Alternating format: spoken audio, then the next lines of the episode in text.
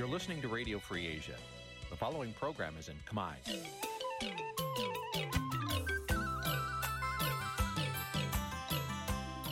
នេះជាកម្មវិធីផ្សាយ Vuthu Azizi Serai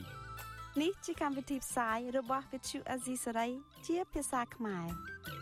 Vuthu Azizi Serai សូមស្វាគមន៍លោកអ្នកនាងទាំងអស់ពីរដ្ឋធានី Washington នៃសហរដ្ឋអាមេរិក បាទខ្ញុំបាទយ៉ងច័ន្ទដារាសូមជម្រាបសួរលោកអ្នកនាងអសាភិយុអាស៊ីសេរីទាំងអស់ជាទីមេត្រីបាទខ្ញុំបាទសូមជូនកម្មវិធីផ្សាយសម្រាប់យប់ថ្ងៃសៅរ៍4រោចខែកដិកឆ្នាំខាលចត្វាស័កពុទ្ធសករាជ2566បាទដែលត្រូវនឹងថ្ងៃទី12ខែវិច្ឆិកាគ្រិស្តសករាជ2022បាទជាដំបូងនេះសូមអញ្ជើញអស់លោកអ្នកនាងស្ដាប់ព័ត៌មានប្រចាំថ្ងៃដែលមានមេត្តាដូចតទៅ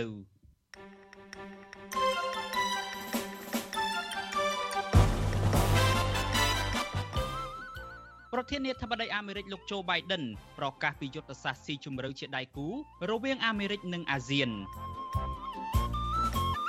អគ្គលេខាធិការអង្គការសហប្រជាជាតិអំពាវនាវឲ្យរដ្ឋាភិបាលលោកហ៊ុនសែនលើកកម្ពស់ការគោរពសិទ្ធិមនុស្សឡើងវិញក្រុមអ្នករងគ្រោះនិងសកម្មជន ស្នើឲ្យមេដឹកនាំអាស៊ាន និងប្រធានាធិបតីអាមេរិកជួយស្ដារប្រជាធិបតេយ្យនៅកម្ពុជាឡើងវិញ។ អ្នកវិភាគបារម្ភពីការពង្រឹងទំនាក់ទំនងស៊ីជម្រៅរវាងកម្ពុជានិងចិនធ្វើឲ្យបាត់បង់ផលប្រយោជន៍ពីប្រទេសលោកសេរីរួមនឹងព័ត៌មានសំខាន់សំខាន់មួយចំនួនទៀតបាទជាបន្តទៅទៀតនេះខ្ញុំបាទយ៉ងច័ន្ទដារាសូមជូនព័ត៌មានទាំងនេះពិស្ដាបាទលោកអ្នកនាងជាទីមេត្រីនៅថ្ងៃទី3នៃកិច្ចប្រជុំកំពូលអាស៊ាននេះមានកិច្ចប្រជុំពាក់ព័ន្ធជាច្រើនពេញមួយថ្ងៃ ជាពិសេសគឺកិច្ចប្រជុំកំពូលអាមេរិកអាស៊ានដោយមានវត្តមានប្រធានាធិបតីសហរដ្ឋអាមេរិកលោកโจ Biden ចូលរួមផ្ទាល់តែម្ដង បាទលោកโจ Biden ក៏ជួបទ្វេភាគីជាមួយនឹងលោកនាយករដ្ឋមន្ត្រីហ៊ុនសែនដែរ បាទកិច្ចប្រជុំនេះត្រូវបានគេរាយការណ៍ថាមានការពិភាក្សាផ្ដោតទៅលើបញ្ហាសំខាន់សំខាន់ជាច្រើននៅក្នុងនោះមានដូចជាកិច្ចសហប្រតិបត្តិការរវាងអាមេរិកនិងអាស៊ានដើម្បីធានាសន្តិសុខនិងវិបលភាពនៅក្នុងតំបន់និងសុខុមាលភាពនៃប្រជាជនរបស់តំបន់ទាំងពីរព្រមទាំងបញ្ហាប្រជាធិបតេយ្យផងដែរបាទថាតើកិច្ចប្រជុំនៅថ្ងៃនេះគេបានជជែករឿងរ៉ាវអ្វីខ្លះហើយទទួលបានលទ្ធផលអ្វីខ្លះដែរ ហើយទន្ទឹមនឹងនេះតើមានការលើកឡើងអំពីការធ្លាក់ចុះបញ្ហាលទ្ធិប្រជាធិបតេយ្យនិងការគោរពសិទ្ធិមនុស្សនៅកម្ពុជាយ៉ាងណាខ្លះដែរបាទសូមលោកអ្នកនាងរងចាំស្ដាប់សេចក្តីរាយការណ៍ផ្ទាល់អំពីរឿងនេះរបស់អ្នករាយការណ៍ព័ត៌មានរបស់យើងមួយរូបគឺលោកថាថៃនាពេលបន្តិចទៀតនេះបាទ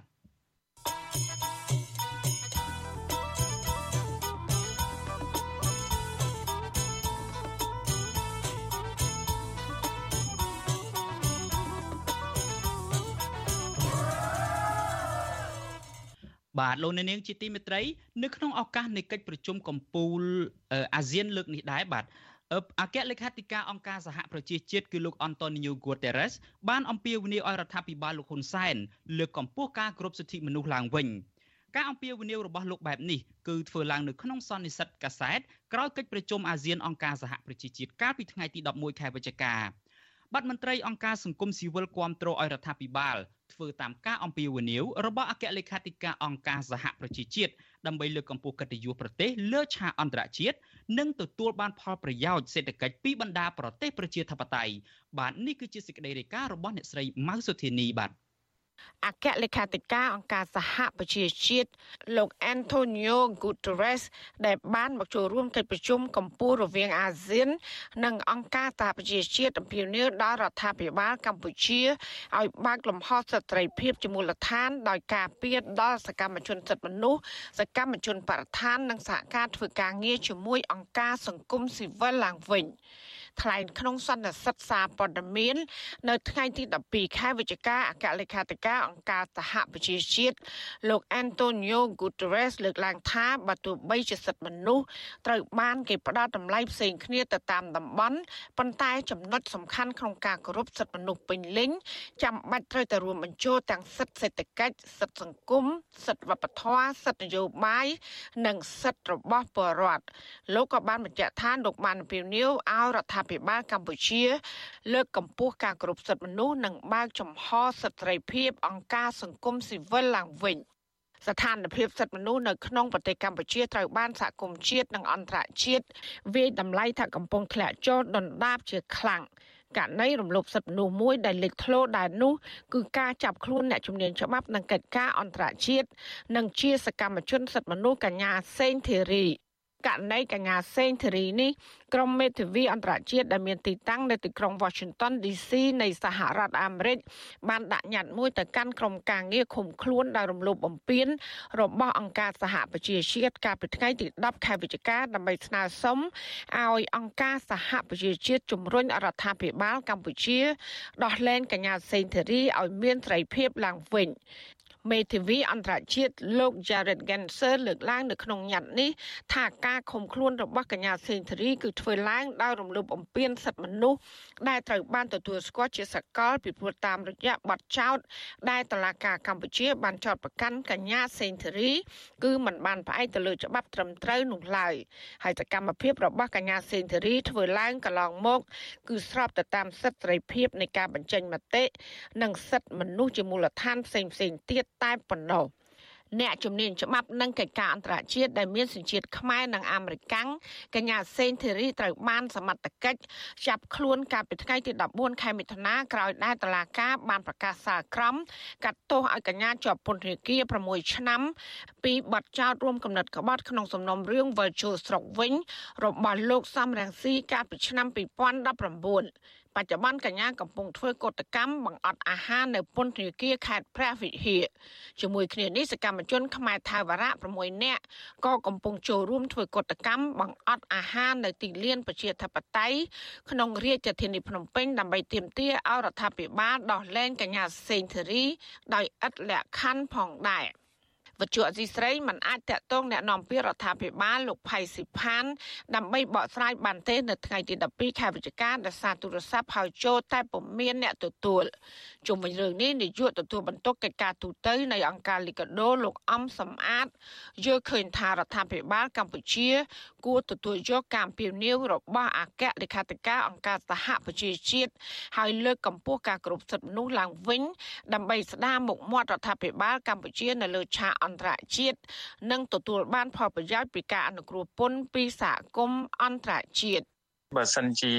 រដ្ឋាភិបាលកម្ពុជាយើងមានការកែលម្អទៅលើបញ្ហាសិទ្ធិមនុស្សជាងកម្ពុជាយើងនឹងអាចទទួលផលចំណេញច្រើនជាជាងការខាត់បងដោយ ពីមុនមកយើងឃើញសហគមន៍អឺរ៉ុបដែលដកអនុគ្រោះពន្ធ EBA 20%ដោយសារតែបញ្ហាចម្រូងចម្រាសរឿងសិទ្ធិមនុស្សនិងលទ្ធិជាតិតបតៃនិងឥឡូវ GSP ក៏មិនទាន់មានការបន្តអញ្ចឹងបើសិនជាកម្ពុជាយើងពិនិត្យមើលលើចំណុចខ្វះខាតហើយធ្វើការកែលម្អខ្ញុំគិតថាវាជារឿងមួយដែលផលចំណេញហើយល្អប្រសើរសម្រាប់កម្ពុជាផងដែរ ការលើកឡើងរបស់អគ្គលេខាធិការអង្គការសហប្រជាជាតិនេះគឺមិនខុសគ្នាពីរបាយការណ៍របស់អ្នករាយការណ៍ពិសេសអង្គការសហប្រជាជាតិប្រចាំនៅកម្ពុជាលោកវិទិតមុនតបូនកាលពីចុងខែសីហាកន្លងទៅនោះទេដោយការនោះអ្នករាយការណ៍រូបនេះក៏បានស្នើដល់រដ្ឋាភិបាលកម្ពុជាឲ្យពន្លឿនកំណែទម្រង់ប្រព័ន្ធតុលាការដើម្បីការពារសិទ្ធិសេរីភាពបរិវត្តនិងត្រូវដោះលែងសកម្មជនគណៈបកនយោបាយដែលកំពុងជាប់ឃុំទាំងអស់ឲ្យមានមានត្រីភាពឡើងវិញដោយឥតលក្ខខណ្ឌបន្ថែមពីលើនោះលោកវិទិតមុនតាបូនក៏បានជំរុញអរដ្ឋាភិបាលកម្ពុជាបើកលំហសេរីភាពសង្គមស៊ីវិលនិងនយោបាយក្នុងនោះរាប់បញ្ចូលទាំងការលុបចោលនិងការកែតម្រង់ច្បាប់នានាដែលរដ្ឋបတ်សិទ្ធិភាពបរដ្ឋនិងបញ្ឈប់នៅការធ្វើទុកបុកម្នេញលើគណៈបពប្រឆាំងក្រុមអ្នកការពារសិទ្ធិមនុស្សនិងក្រុមអ្នកពាក់ព័ន្ធដទៃទៀតផងដែរ។ អ្នកវិភាគនយោបាយចាស់ភាសាលោកបណ្ឌិតឡើងម៉ុងហៃយល់ឃើញថាលោកនាយករដ្ឋមន្ត្រីហ៊ុនសែនអាចនឹងពិបាកបដិសេធបើសិនជាលោកចង់បានឈ្មោះល្អលើឆាកអន្តរជាតិ គណៈអគ្គលេខាធិការអង្គការសហប្រជាជាតិដែលមកដល់ប្រទេសកម្ពុជាហើយធ្វើអន្តរាគមន៍សូមឲ្យបញ្ឈប់ការដាក់ទោសទណ្ឌទៅលើអ្នកប្រាស្រ័យសិទ្ធិដោយផ្ទាល់បែបនេះដែលឡែកចំពោះករណីកញ្ញាសេងធារីវិញលោកបណ្ឌិតយុធារដ្ឋាភិបាលកម្ពុជាអាចនឹងពិចារណាដោះលែងឲ្យមានសេរីភាពឡើងវិញបើសិនជារដ្ឋាភិបាលអាមេរិកអន្តរាគមស្នើសុំឲ្យដោះលែងជាថ្នូរនឹងការជួយសម្របសម្រួលណាមួយ ហើយករណីនេះគឺស្តៀងគ្នាទៅនឹងករណីដោះលែងលោកមុំសនងដូនិងលោកហុងសុខហួរសមាជិកប្រតិភិគណៈបកភ្លើងទៀនកាលពីពេលកន្លងមក ដោយការនោះមានរដ្ឋាភិបាលបារាំងធ្វើអន្តរាគមន៍ជាមួយគ្នានេះបណ្ឌិតឡើងបង្ហាញមានសុតិធិនិយមថាប្រមុខរដ្ឋាភិបាលកម្ពុជានឹងអាចបើកលំហប្រជាធិបតេយ្យជាធ្នូនឹងការជួបប្រជុំទ្វេភាគីជាមួយប្រធានាធិបតីអាមេរិកលោក Joe Biden រដ្ឋាភិបាលកម្ពុជាត្រូវបានអង្គការជាតិអន្តរជាតិនិងអង្គការសហប្រជាជាតិរកឃើញថាបានរំលោភសិទ្ធិមនុស្សកាន់តែធ្ងន់ធ្ងរចាប់តាំងពីបានរំលាយគណៈបកសង្គ្រោះជាតិកាលពីឆ្នាំ2017មកទោះយ៉ាងណារដ្ឋាភិបាលកម្ពុជា តែងតែទាត់ចោលសេចក្តីរាយការណ៍និងលទ្ធផលនៃការស្វែងរកការពិត របស់ក្រុមអ្នករាយការណ៍ពិសេសរបស់អង្គការសហប្រជាជាតិមន្ត្រីខ្លំមើលសិទ្ធិមនុស្សអន្តរជាតិនិងមន្ត្រីរបស់គណៈកម្មការរផងអំពីការរំលោភសិទ្ធិមនុស្សនិងការបំផ្លាញប្រជាធិបតេយ្យនៅកម្ពុជាជាលទ្ធផលដោយសារការម្នាក់នេះនឹងមិនព្រមទទួលយកការពិតកម្ពុជាតែងតែរងការដាក់ទណ្ឌកម្មជាបន្តបន្ទាប់ពីសហគមន៍អន្តរជាតិចាននាងខ្ញុំម៉ៅសុធានីវិទ្យុអាស៊ីសេរីប្រធានាធិបតី Washington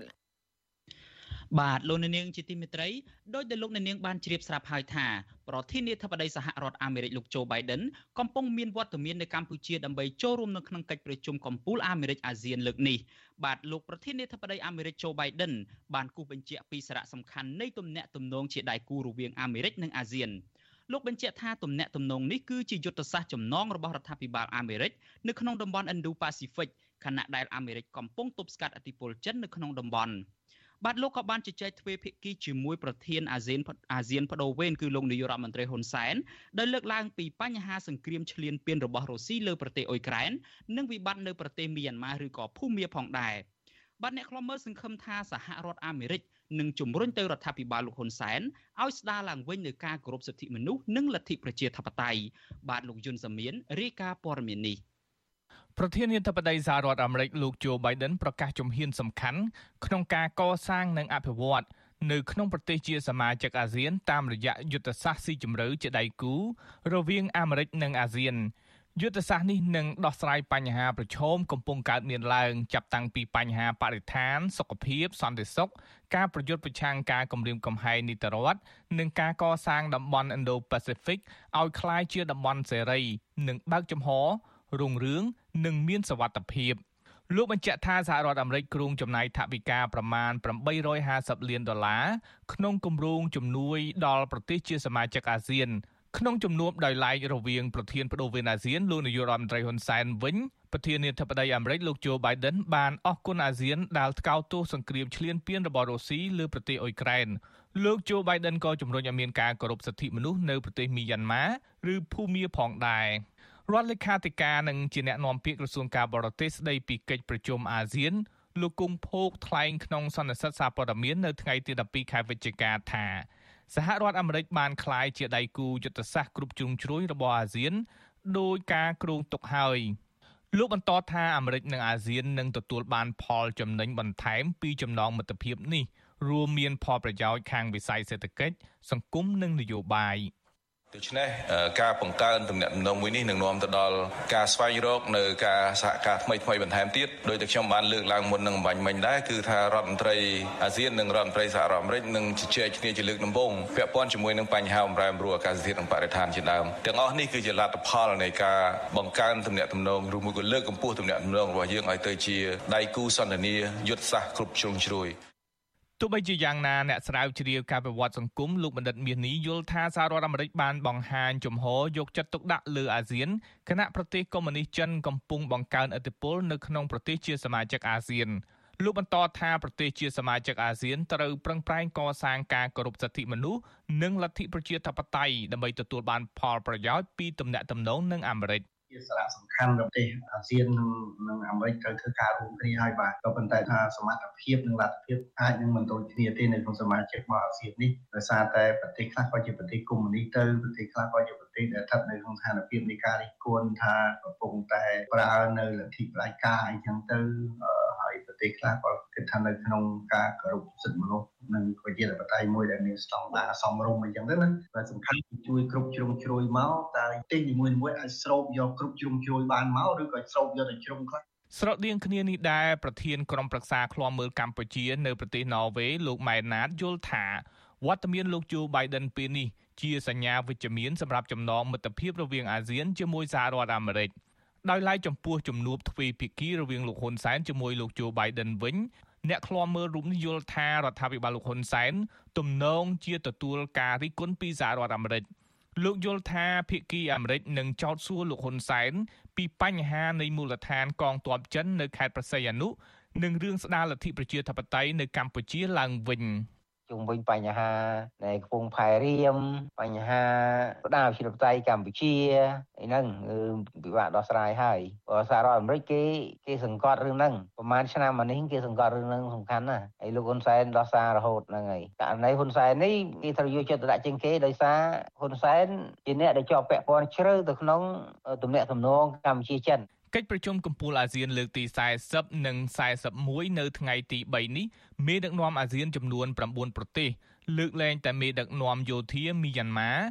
ដែលមិនត្រូវបានគេអនុញ្ញាតឲ្យចូលរួមកិច្ចប្រជុំកំពុងមមាញឹកក្នុងកិច្ចប្រជុំសំខាន់សំខាន់ជាមួយភាគីពាក់ព័ន្ធ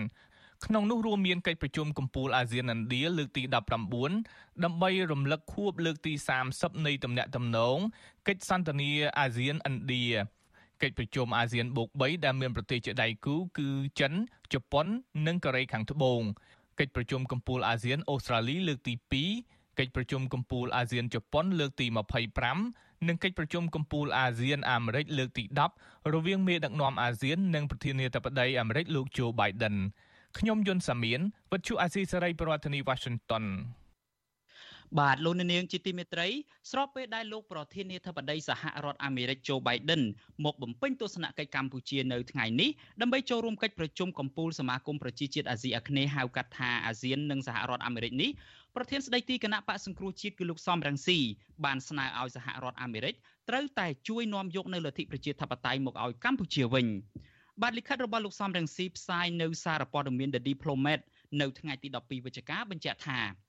ប្រធានាធិបតីអាមេរិកត្រូវតែមានវិធានការជាក់ស្ដែងដើម្បីឲ្យលោកនាយករដ្ឋមន្ត្រីហ៊ុនសែនទទួលខុសត្រូវចំពោះការលួចលទ្ធិប្រជាធិបតេយ្យនិងជួយនាំយកមកវិញនូវសេរីភាពសមភាពនិងសិទ្ធិមនុស្សដល់កម្ពុជាបាទលោកសំរងស៊ីបន្តទៀតថានៅខែកក្កដាខាងមុខកម្ពុជានឹងរៀបចំការបោះឆ្នោតជាសកលសហគមន៍អន្តរជាតិមិនត្រូវអនុញ្ញាតឲ្យលោកហ៊ុនសែននិងគណៈបកប្រជាជនកម្ពុជារៀបចំដំណើរការបោះឆ្នោតដោយមិនមានការប្រកួតប្រជែងម្ដងទៀតនោះទេ បាទលោកសំរងស៊ីលើកឡើងទៀតថាមុនខែកក្កដាគឺជាពេលសំខាន់ដែលសម្ព័ន្ធមិត្តប្រទេសប្រជាធិបតេយ្យជុំវិញពិភពលោកចាត់វិធានការកាន់តែខ្លាំងប្រឆាំងនឹងលោកហ៊ុនសែននិងជួយនាំយកនៅលទ្ធិប្រជាធិបតេយ្យដល់កម្ពុជាវិញ បាទសហរដ្ឋអាមេរិកមានទួនាទីផ្ទាល់មិនត្រឹមតែជាអ្នកដឹកនាំលទ្ធិប្រជាធិបតេយ្យជាសកលលោកប៉ុណ្ណោះទេក៏ប៉ុន្តែក៏ជាប្រទេសហត្ថលេខីនៃកិច្ចព្រមព្រៀងសន្តិភាពទីក្រុងប៉ារីសដែលសន្យាឲ្យប្រជាជនកម្ពុជានៅការសម្រេចចិត្តដោយខ្លួនឯងតាមរយៈការបោះឆ្នោតដោយសេរីនិងយុត្តិធម៌ បាទលោកសំរងស៊ីលើកឡើងទៀតថាការលើកកម្ពស់លទ្ធិប្រជាធិបតេយ្យនៅកម្ពុជាក៏គ្រប់គ្រងយុទ្ធសាស្ត្រសន្តិសុខរបស់ប្រធានាធិបតីអាមេរិកលោកโจ Biden ផងដែរដោយមានការស្ដារឡើងវិញនូវភាពជឿជាក់របស់សហរដ្ឋអាមេរិកទង្វើនេះមានសារៈសំខាន់ទាំងពីរនៅក្នុងការកាត់បន្ថយទាំងឥទ្ធិពលចិននៅលើឆាកអន្តរជាតិតំបន់និងលើកកម្ពស់កេរ្តិ៍ឈ្មោះអាមេរិកនៅជុំវិញពិភពលោក។ បាទលោកសំរងស៊ីស្នើទៀតថានៅពេលដែលលោកប្រធានាធិបតីអាមេរិក Biden ជួបជាមួយនឹងលោកហ៊ុនសែននៅទីក្រុងភ្នំពេញលោកត្រូវតែបង្ហាញជំហរឲ្យច្បាស់លាស់ថាការបោះឆ្នោតនៅឆ្នាំក្រោយរបស់កម្ពុជានឹងមិនត្រូវគេទទួលយកនោះទេលុះត្រាតែមានការផ្លាស់ប្ដូរដ៏សំខាន់រួមមានការស្ដារឡើងវិញនៅការបញ្ចេញមតិ ការជួបប្រជុំដោយសេរីនៅទូទាំងប្រទេសក៏ដូចជាការកែតម្រង់ចំពោះគណៈកម្មាធិការជាតិរៀបចំការបោះឆ្នោតហៅកាត់ថាកោជបដែលលោកហ៊ុនសែនបញ្ចូលបកពួករបស់លោកនៅក្នុងនោះដែរបាទលោកសំរងស៊ីបន្តទៀតថាសហរដ្ឋអាមេរិកត្រូវតែដាក់ទណ្ឌកម្មលើរបបលោកហ៊ុនសែនដោយដែលអ្វីដែលសហរដ្ឋអាមេរិកធ្វើ ចំពោះរុស្ស៊ីដោយសារតែការឈ្លានពានទៅលើប្រទេសអ៊ុយក្រែននោះដែរ បាទសហរដ្ឋអាមេរិកត្រូវតែធានាថាអ្នកដែលដឹកនាំប្រទេសឲ្យคล้ายជារបបផ្ដាច់ការត្រូវតែទទួលរងនូវទណ្ឌកម្មនិងផ្ញើសារទៅលោកហ៊ុនសែននិងសម្ព័ន្ធមិត្តរបស់លោកថាពួកគេនឹងទទួលរងទណ្ឌកម្មចំពោះទង្វើលួចលទ្ធិប្រជាធិបតេយ្យពីកម្ពុជា បាទលោកអ្នកនាងជាទីមេត្រីពាក់ព័ន្ធទៅនឹងសំណើរបស់ប្រធានស្ដីទីគណៈបកសង្គ្រោះជាតិលោកសំរងស៊ីនេះងាកទៅក្រុមអង្គការសង្គមស៊ីវិលឯណោះវិញបណ្ដាញអង្គការសង្គមស៊ីវិលចំនួន36ក៏បានចេញលិខិតរួមគ្នាមួយទៅកាន់ប្រមុខដឹកនាំរដ្ឋនិងរដ្ឋាភិបាលនៃប្រទេសដែលកំពុងតែចូលរួមនៅក្នុងកិច្ចប្រជុំកំពូលអាស៊ាន និងកិច្ចប្រជុំកំពូលនៃក្រុមប្រទេសមានសេដ្ឋកិច្ចធំធំទាំង20ហៅកាត់ថា J20 នៅក្នុងខែវិច្ឆិកានេះដែរ ដើម្បីស្នើសុំអន្តរាគមន៍បញ្ចប់ការដឹកនាំប្រទេសតាមរបៀបផ្ដាច់ការរបស់លោកហ៊ុនសែននិងរៀបចំការបោះឆ្នោតដោយសេរីត្រឹមត្រូវនឹងយុត្តិធម៌នៅកម្ពុជាបាទបណ្ដាញអង្គការសង្គមស៊ីវិលទាំងនោះគឺសុទ្ធសឹងតែមានមូលដ្ឋាននៅប្រទេសប្រជាធិបតេយ្យដូចជាសហរដ្ឋអាមេរិកកាណាដាបារាំងអូស្ត្រាលី និងនូវែលសេឡង់បាទសំណើរបស់ពួកគេនេះគឺផ្ញើជូនមេដឹកនាំប្រទេសប្រជាធិបតេយ្យធំធំដូចជាប្រធានាធិបតីសហរដ្ឋអាមេរិកលោកโจ Biden ប្រធានាធិបតីនៃប្រទេសពាក់ព័ន្ធដទៃទៀតរួមមានទាំងសហភាពអឺរ៉ុបផងដែរព្រមទាំងប្រទេសកាណាដាបារាំងអូស្ត្រាលីជាដើមបាទហើយក្នុងនោះក៏មានទាំងក្រុមនៃមេដឹកនាំនៃប្រទេសអាស៊ានផងដែរគឺថាពួកគេទាំងអស់ត្រូវតែជំរុញឲ្យលោកហ៊ុនសែនងាកមកស្ដារលទ្ធិប្រជាធិបតេយ្យនៅកម្ពុជាឡើងវិញបាទបើតាមលិខិតដែលវិទ្យុអាស៊ីសេរីទទួលបានបណ្ដាញអង្គការសង្គមស៊ីវិលទាំងនោះជំរុញដល់ក្រុមមេដឹកនាំប្រទេសទាំងនោះឲ្យដាក់សម្ពាធលើរដ្ឋាភិបាលលោកហ៊ុនសែន ឲ្យបញ្ឈប់ការធ្វើទុកបុកម្នេញតាមផ្លូវតុលាការនិងដោះលែងអ្នកទោសនយោបាយនិងអ្នកទោសមនសិការឲ្យមានសេរីភាពឡើងវិញជាមួយគ្នានេះពួកគេទាមទារឲ្យរដ្ឋាភិបាលលោកហ៊ុនសែនបញ្ឈប់ការគៀបសង្កត់លើសិទ្ធិសេរីភាពរបស់ប្រជាពលរដ្ឋនិងសង្គមស៊ីវិលព្រមទាំងរៀបចំការបោះឆ្នោតដោយសេរីនិងយុត្តិធម៌នៅឆ្នាំ2023ខាងមុខបាទបណ្ដាញអង្គការសង្គមស៊ីវិលជំរុញឲ្យក្រមមេដឹកនាំប្រទេស ឲ្យប្រើប្រាស់យន្តការជំនួយនិងយន្តការច្បាប់អន្តរជាតិដើម្បីដាក់សម្ពាធលើរដ្ឋាភិបាលលោកហ៊ុនសែនឲ្យកែលម្អស្ថានភាពសិទ្ធិមនុស្សនិងលទ្ធិប្រជាធិបតេយ្យឡើងវិញហើយប្រសិនបើគ្មានការកែលម្អស្ថានភាពនេះទេពួកគេទទូចដល់មេដឹកនាំបរទេសកុំទទួលស្គាល់លទ្ធផលបោះឆ្នោតដែលលោកហ៊ុនសែនរៀបចំនៅឆ្នាំក្រោយនេះជាដាច់ខាតបានលោកនៅនាងជាទីមេត្រីស្របពេលដែលកិច្ចប្រជុំអាស៊ានកំពុងតែដំណើរការនេះអ្នកវិភាគនិងមន្ត្រីគណៈបកប្រឆាំងលើកឡើងថា កម្ពុជាកំពុងប្រឈមនឹងការបាត់បង់ឯករាជ្យភាពព្រមទាំងបាត់បង់ការទទួលបានផលប្រយោជន៍ពីប្រទេសលោកសេរីដោយសារតែរដ្ឋាភិបាលលោកហ៊ុនសែនលំអៀងខ្លាំងទៅរកប្រទេសចិនកុម្មុយនីសបាទប្រតិកម្មនេះធ្វើឡើងបន្ទាប់ពីរដ្ឋាភិបាលកម្ពុជានិងចិនបដិញ្ញារឹតចំណងមិត្តភាពដើម្បីកសាងជោគវាសនារួមនៃប្រទេសទាំងពីរបាទសូមលោកអ្នកនាងស្ដាប់សេចក្តីរាយការណ៍ព័ត៌មាននេះរបស់លោកជាតិចំណានដូចតទៅគ្រប់អ្នកតាមដានស្ថានភាពនយោបាយកម្ពុជាលើកឡើងថា ការបង្ហាញជំហររបស់កម្ពុជាដែលលំអៀងទៅរកប្រទេសចិនកុម្មុយនីកាន់តែខ្លាំងក្នុងអំឡុងពេលកិច្ចប្រជុំកំពូលអាស៊ាននេះគឺដោយសារតែរដ្ឋាភិបាលលោកហ៊ុនសែនកំពុងជាប់អន្ទាក់នយោបាយរបស់ចិនដែលទាមទារឲ្យកម្ពុជាគ្រប់គ្រងគោលនយោបាយចិនគ្រប់កលៈទេសៈមន្ត្រីជាន់ខ្ពស់គណៈបកសង្គ្រោះជាតិលោកអ៊ុំសំអានប្រាប់វិសុយអស៊ីសេរីនៅថ្ងៃទី12ខែវិច្ឆិកាថាជំហររបស់លោកហ៊ុនសែនបង្ហាញអំពីភក្តីភាពជាមួយចិនកាន់តែស្និទ្ធស្នាលបែបនេះកម្ពុជាអាចនឹងប្រឈមទៅនឹងការបាត់បង់អធិបតេយ្យជាតិលើពីនេះ លោកសង្កត់ធ្ងន់ថាជំនួបទ្វេភាគីរបស់លោកហ៊ុនសែននិងលោកលីខឺឈៀងដោយពិភាក្សាទៅលើផ្នែកវិស័យយោធានៅកម្ពុជានោះអាមេរិកនឹងកាន់តែមានមន្ទិលសង្ស័យអំពីមូលដ្ឋានកងទ័ពចិននៅកម្ពុជាលោកយល់ថាក្នុងរបបនយោបាយបែបនេះកម្ពុជាអាចទទួលរងទណ្ឌកម្មសេដ្ឋកិច្ចនិងការផ្ដាច់ជំនួយនានាពីបណ្ដាប្រទេសលោកសេរីបន្ថែមទៀត។ កម្ពុជាកាន់តែអបកសោបចិនកម្ពុជានឹងក្លាយទៅជាកូនបំណុលរបស់ចិនណាហើយចិនគេមិនដែលរស់ស៊ីខាតទេអ្វីដែលចិនឲ្យកម្ពុជាខ្ចីលុយអីហ្នឹងផ្ដល់ជំនួយដល់កម្ពុជាហ្នឹងរបៀបហត់ទឹកសម្លឹងការក្រុមហ៊ុនរបស់ចិនហ្នឹងមកកើបយកធនធានធម្មជាតិរបស់កម្ពុជាបំផ្លិចបំផ្លាញធនធានធម្មជាតិរបស់កម្ពុជាដូចរ៉ែមាសរ៉ែដែកត្បូងព្រៃឈើព្រមទាំងធនធានធម្មជាតិដទៃទៀតរបស់កម្ពុជាប្រមូលយកទៅប្រទេសចិនណាលោកអ៊ុំសំអាតរិះគន់ថា ការពង្រឹងនូវកិច្ចប្រតិបត្តិការដៃគូយុទ្ធសាស្ត្រគ្រប់ជ្រុងជ្រោយរវាងរដ្ឋាភិបាលឯកបៈលោកហ៊ុនសែនជាមួយប្រទេសចិនកុម្មុយនីកម្ពុជាហាក់ពុំទទួលបានផលប្រយោជន៍ពីប្រទេសចិននោះឡើយផ្ទុយទៅវិញលោកហ៊ុនសែនដឹកនាំប្រទេសកាន់តែប្រះចាកកន្លងប្រជាធិបតេយ្យដោយសារតែរងសម្ពាធគោលនយោបាយចិនតាមរយៈការបង្ក្រាបសម្លេងអ្នកនយោបាយប្រឆាំងនិងអ្នករិះគន់រដ្ឋាភិបាលឥតឈប់ឈរព្រឹត្តិកម្មនេះធ្វើឡើងបន្ទាប់ពីភាគីកម្ពុជានិងចិនបានប្រកាសជាថ្មីទៀតចំពោះការបដិញ្ញាចិត្តបន្តរឹតចំណងមិត្តភាពយូរអង្វែង ដើម្បីកសាងជោគវាសនានៃប្រទេសទាំងពីរព្រមទាំងបង្កើននៃការពង្រឹងនូវកិច្ចប្រតិបត្តិការដៃគូយុទ្ធសាស្ត្រគ្រប់ជ្រុងជ្រោយរវាងកម្ពុជានិងចិនឲ្យកាន់តែស៊ីជម្រៅក្រោយជំនួបទ្វេភាគីរវាងលោកហ៊ុនសែននិងលោកលីខឺឈៀងក្រសួងការបរទេសកម្ពុជាកាលពីថ្ងៃទី11ខែវិច្ឆិកាបានចេញសេចក្តីប្រកាសរួមមួយថាភាគីកម្ពុជានិងចិនបានឯកភាពគ្នាក្នុងការពន្លឿនការកសាងជោគវាសនារួមគ្នាភាគីទាំងពីរក៏បានចុះហត្ថលេខាលើឯកសារចំនួន18រួមមានឯកសារផ្ដល់ជំនួយលើគម្រោងអភិវឌ្ឍមួយចំនួននៅកម្ពុជា ដូចជាផ្លូវថ្នល់សាលារៀនសេដ្ឋកិច្ចពាណិជ្ជកម្មនិងកសិកម្មជាដើមសេចក្តីប្រកាសរួមដដែលឲ្យដឹងថាភាគីចិននិងកម្ពុជាប្រើប្រាស់ឲ្យអស់សក្តានុពលនៃយន្តការផ្លាស់ប្ដូរនិងកិច្ចសហប្រតិបត្តិការយោធាដោយបង្កើនទំនាក់ទំនងរវាងស្ថាប័នការងារជាតិនិងយោធាគ្រប់កម្រិតនៃប្រទេសទាំងពីរតាមរយៈការបណ្ដុះបណ្ដាលការវឹកហាត់រួមគ្នាផ្ដល់បរិការយោធាបច្ចេកទេសសេវាកម្មសុខាភិបាល និងផ្នែកសន្តិសុខពហុភាគី មុនកម្ពុជាបើកកិច្ចប្រជុំកំពូលអាស៊ានលោកលីខឺឈៀងបានធ្វើទស្សនកិច្ចទៅកម្ពុជាមុនពេលដែលមេដឹកនាំកំពូលកំពូលទាំងអស់ធ្វើដំណើរចូលរួមកិច្ចប្រជុំកំពូលអាស៊ាននិងកិច្ចប្រជុំពាក់ព័ន្ធការបញ្ជ្រាបអធិបតេយ្យរបស់ចិនមកលើរដ្ឋាភិបាលលោកហ៊ុនសែនតាមបែបជំនួបទ្វេភាគីនេះភាគច្រើនធ្វើឡើងនៅមុនមានកិច្ចប្រជុំក្របខ័ណ្ឌអាស៊ានឬកិច្ចប្រជុំកម្រិតលក្ខណៈអន្តរជាតិនានាដែលមានការចូលរួមពីបណ្ដាប្រទេសមហាអំណាចលោកសេរីខណៈដែលកម្ពុជាធ្វើជាប្រធានបដូវវេនអាស៊ានជាក់ស្ដែងចិន ក៏បានស្នើកម្ពុជាដាក់បញ្ចូលភាសាចិនក្នុងវិស័យអប់រំនៅកម្ពុជាផងដែរមិនតែប៉ុណ្ណោះក្នុងជំនួបទ្វេភាគីរវាងលោកហ៊ុនសែននិងលោកលីខឺឈៀងភាគីចិនក៏បានលើកយកបញ្ហាការបំបែកកោះតៃវ៉ាន់មកពិភាក្សាសេចក្តីប្រកាសរួមរបស់ក្រសួងការបរទេសកម្ពុជាបញ្ជាក់ថាកម្ពុជាប្រឆាំងរាល់សកម្មភាពដែលបំផ្លាញដល់អធិបតេយ្យភាពរបស់ចិននិងប្រឆាំងរាល់ទម្រង់នៃពួកបំបីខ្លួនដើម្បីទាមទារឯករាជ្យភាពតៃវ៉ាន់គណៈអ្នកជំនាញប្រមានថាកម្ពុជាគួរតែរក្សាភាពស្ងៀមស្ងាត់ លើបញ្ហាកោះតៃវ៉ាន់នេះដើម្បីធានាអំពីគោលនយោបាយអព្យាក្រឹតភាពកម្ពុជាតាក់ទងនឹងរឿងនេះដែរអ្នកវិភាគនយោបាយលោកកឹមសុខមើលឃើញថាកម្ពុជាក្រោមការដឹកនាំដោយលោកហ៊ុនសែនកំពុងធ្វើឲ្យប្រជាជាតិជាប់អន្ទាក់នយោបាយចិនដកខ្លួនមិនរួច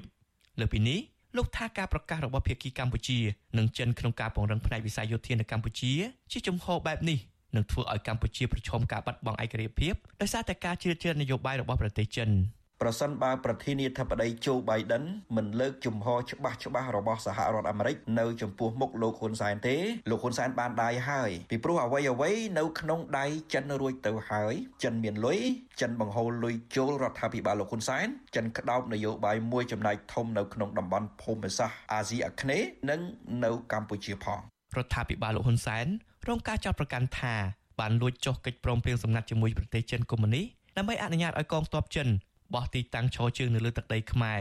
កិច្ចព្រមព្រៀងសម្ងាត់នោះបានអនុញ្ញាតឲ្យកងទ័ពចិនគ្រប់គ្រងកំពង់ផែទ័ពជើងទឹករៀមផ្ដាច់មុខរហូតដល់30ឆ្នាំហើយកិច្ចព្រមព្រៀងនេះអាចបន្តបានរៀងរាល់10ឆ្នាំម្ដងទោះបីជារដ្ឋាភិបាលកម្ពុជានិងចិនបានចេញមុខបដិសេធព័ត៌មាននេះជាហូរហែក្តីក៏របាយការណ៍ចុងក្រោយបង្ហាញថាមានការសាងសង់អគារនិងហេដ្ឋារចនាសម្ព័ន្ធជាច្រើននៅមូលដ្ឋានទ័ពជើងទឹករៀមកំគម្រោងជំនួយរបស់ចិនសហរដ្ឋអាមេរិក បានសម្ដែងក្តីបារម្ភនិងដាស់តឿនរដ្ឋាភិបាលលោកហ៊ុនសែនម្ដងហើយម្ដងទៀតថាវត្តមានកងទ័ពចិននៅមូលដ្ឋានទ័ពជើងទឹករៀមនឹងប្រឆាំងរដ្ឋធម្មនុញ្ញរបស់កម្ពុជាព្រមទាំងធ្វើឲ្យប៉ះពាល់ដល់សន្តិសុខតំបន់ទាំងមូលខ្ញុំបាទជាចំណាន Visual Assisray ប្រធានាទី Washington បាទលោកអ្នកនាងជាទីមេត្រីដោយដែលលោកអ្នកនាងបានជ្រាបស្រាប់ហើយថាកិច្ចប្រជុំកំពូលអាមេរិកអាស៊ានកិច្ចប្រជុំពាក់ព័ន្ធដទៃទៀតរួមមានទាំងកិច្ចប្រជុំនៅអាស៊ីបូព៌ាជាអញ្ចឹងជាដើមនោះគឺថាសុទ្ធសឹងតែជាឱកាសដែលមេដឹកនាំពិភពលោកមេដឹកនាំអន្តរជាតិនិងមេដឹកនាំអាស៊ានបានមកជួបប្រស្រ័យតាក់ទងគ្នាក៏ប៉ុន្តែដោយឡែកយើងងាកទៅខាងប្រជាពលរដ្ឋឯនោះវិញក្រុមអ្នកដែលរងគ្រោះក៏ជាឱកាសដែលពួកគាត់ស្វះស្វែងរកការតវ៉ាដើម្បីជួយឲ្យដោះស្រាយបញ្ហារបស់ពួកគាត់ដែរ ក្រុមអ្នករងគ្រោះបាននាំគ្នាចេញតវ៉ានិងផ្ញើសារទៅមេដឹកនាំអាស៊ាននិងមេដឹកនាំប្រទេសប្រជាធិបតេយ្យធំធំជាពិសេសគឺប្រធានាធិបតីសហរដ្ឋអាមេរិកលោកโจ Biden ឲ្យជួយដោះស្រាយបញ្ហារបស់ពួកគាត់ពួកគាត់លើកយកសំណើនឹងទុកកង្វល់រួមមានការរដ្ឋបិទលើសេរីភាពជាមូលដ្ឋានទម្លាក់កោចោលការចោតប្រកាន់ហើយដោះលែងអ្នកជាប់ឃុំនយោបាយដោយសារតែរឿងនយោបាយនោះដោយឥតលក្ខខណ្ឌ ព្រមទាំងបើកលំហប្រជាធិបតេយ្យឡើងវិញបាទមន្ត្រីរដ្ឋាភិបាលជំរុញឲ្យពួកគេស្វែងរកយុត្តិធម៌តាមរយៈស្ថាប័នកម្ពុជាពីព្រោះការតស៊ូមតិនិងការដាក់ញត្តិនេះมันអាចរកដំណោះស្រាយបានទេ បាទនេះជាសេចក្តីរាយការណ៍របស់លោកមានរិទ្ធជនរងគ្រោះដែលជាក្រុមគ្រួសារសកម្មជនបពប្រឆាំងក្រុមយុវជនសង្គមក្រុមកម្មករព្រមទាំងពលរដ្ឋរងគ្រោះដីធ្លី បានផ្ញើសារដោយដូចគ្នាដោយស្នើដល់បណ្ដាក្រុមមេដឹកនាំពិភពលោកដែលមកចូលរួមកិច្ចប្រជុំកំពូលអាស៊ាននៅពេលនេះឲ្យយកបញ្ហារបស់ពួកគេទៅជជែកជាមួយរដ្ឋាភិបាលលោកនាយរដ្ឋមន្ត្រីហ៊ុនសែន